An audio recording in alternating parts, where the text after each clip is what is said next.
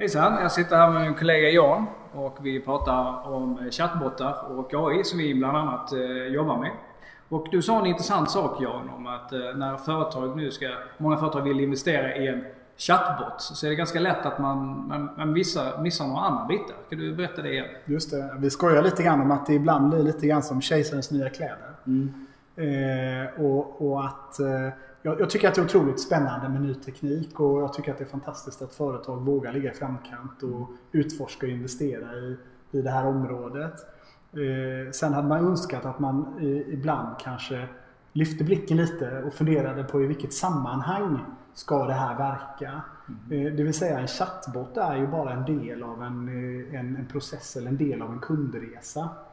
Och att man, att man reflekterar över vad är det vi vill att den ska tillföra eller vad är det vi, vi vill att den ska ersätta? När botten ska kopplas in? P precis, därför att, därför att eh, många gånger så, så är det ju så att, att det finns kommunikationer och konversationer som är skapar ett värde för, för mig som, som kund och för företaget eller organisationen. Där jag kanske vill ha en människa till människa konversation. Mm. Eh, och då behöver jag ju ha en, en lösning som förstår vilken resa är min kund på? Var har de varit någonstans? Vad är de? Vad är den bästa eh, approachen just här och nu? Och det är ju saker som oftast en chatbot inte klarar av att göra. Den klarar av att, att förstå text och, och, och analysera det och svara tillbaka. Mm, okay.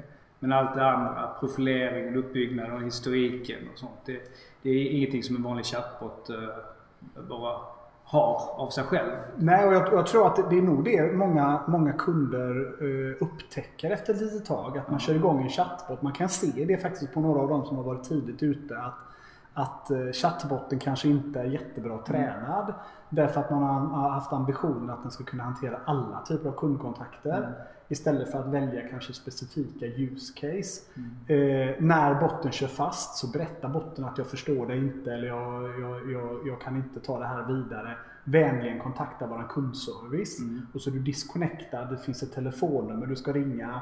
Du det är irriterande. För ja. vi är redan i, i, online tillsammans digitalt. Precis, och har jag, har jag startat min resa digitalt så ska ja. jag inte behöva tvingas vidare till en, till exempel en, en telefonkanal. Men nu ska vi flyttas över till en, till en, till en mänsklig agent. Exakt, och att den, att den överflyttningen sker sömlöst. Ja. Eh, någon, någon lösning jag var inne och tittade på där jag körde fast, då blev jag först erbjuden att att, eh, att ringa och jag blev upp, erbjuden att bli uppringd. Jag ville inte något av det. Och då sa de okej, okay, men då ska vi få chatta och så är det ett annat gränssnitt. Och så var det så mycket ja. kötid så att ingen kunde hantera det. Det märker man ju ofta. Man chattar med en bot som verkar sitta nere i källaren och sköta någon slags first line. Sen så helt plötsligt när, när det klarlägger så byter det gränssnitt. Allt med, man, ett helt annat system. Precis. Det kan ju inte vara bra för verksamheten. Det måste vara väldigt kostsamt för verksamheten att ha bottar. Vissa serviceagenter som är bottar sitter här och så har vi människorna som sitter här.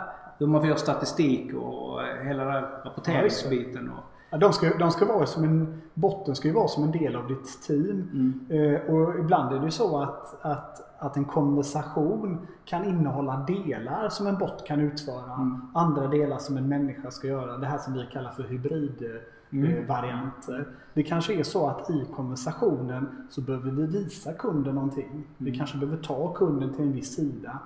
Kunden kanske måste logga in och verifiera sig innan vi kan hjälpa dem.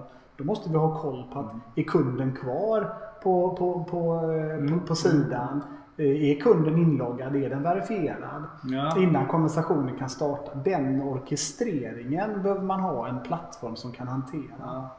Ja, när jag lyssnar på dig Johan så, så låter det som att det är inte bara att gå ut och eh, investera i en, leta efter en chatbot. Det är mer att tänka på dem för själva botten. Ja, absolut. Man ska tillbaka egentligen till där vi började. Lyft blicken, fundera mm. på i vilket sammanhang, i, i vilka typer av kundkontakter mm. kan en bot uh, göra, göra nytta? Vilka typer av kundkontakter kanske det är någon form av hybridvariant? Och se till så att man har en plattform för den digitala kundkommunikationen mm. och koppla en bot till den plattformen. Mm. Istället för att köpa en bot och försöka utveckla allt det där i botlösningen mm. efterhand. För det kommer bli otroligt kostsamt, kommer ta extremt lång tid och man kommer aldrig få samma funktionalitet. Som man, om man börjar med plattformen på plats och sen, du kanske har flera bottar till exempel. Det, låter ju som att eh, i det här ganska tidiga skedet utav eh, chatbot-teknologier att eh, om man skulle satsa på fel häst, väldigt kostsamt. Man måste eh, byta ut hela plattformen. Eh, Men istället då kan man byta ut botten. Just när man det. behåller sin plattform. Exakt. Okej. Ja, intressant. Tack så mycket Jan. Tack själv. Ja, vi ses. Ha det gott.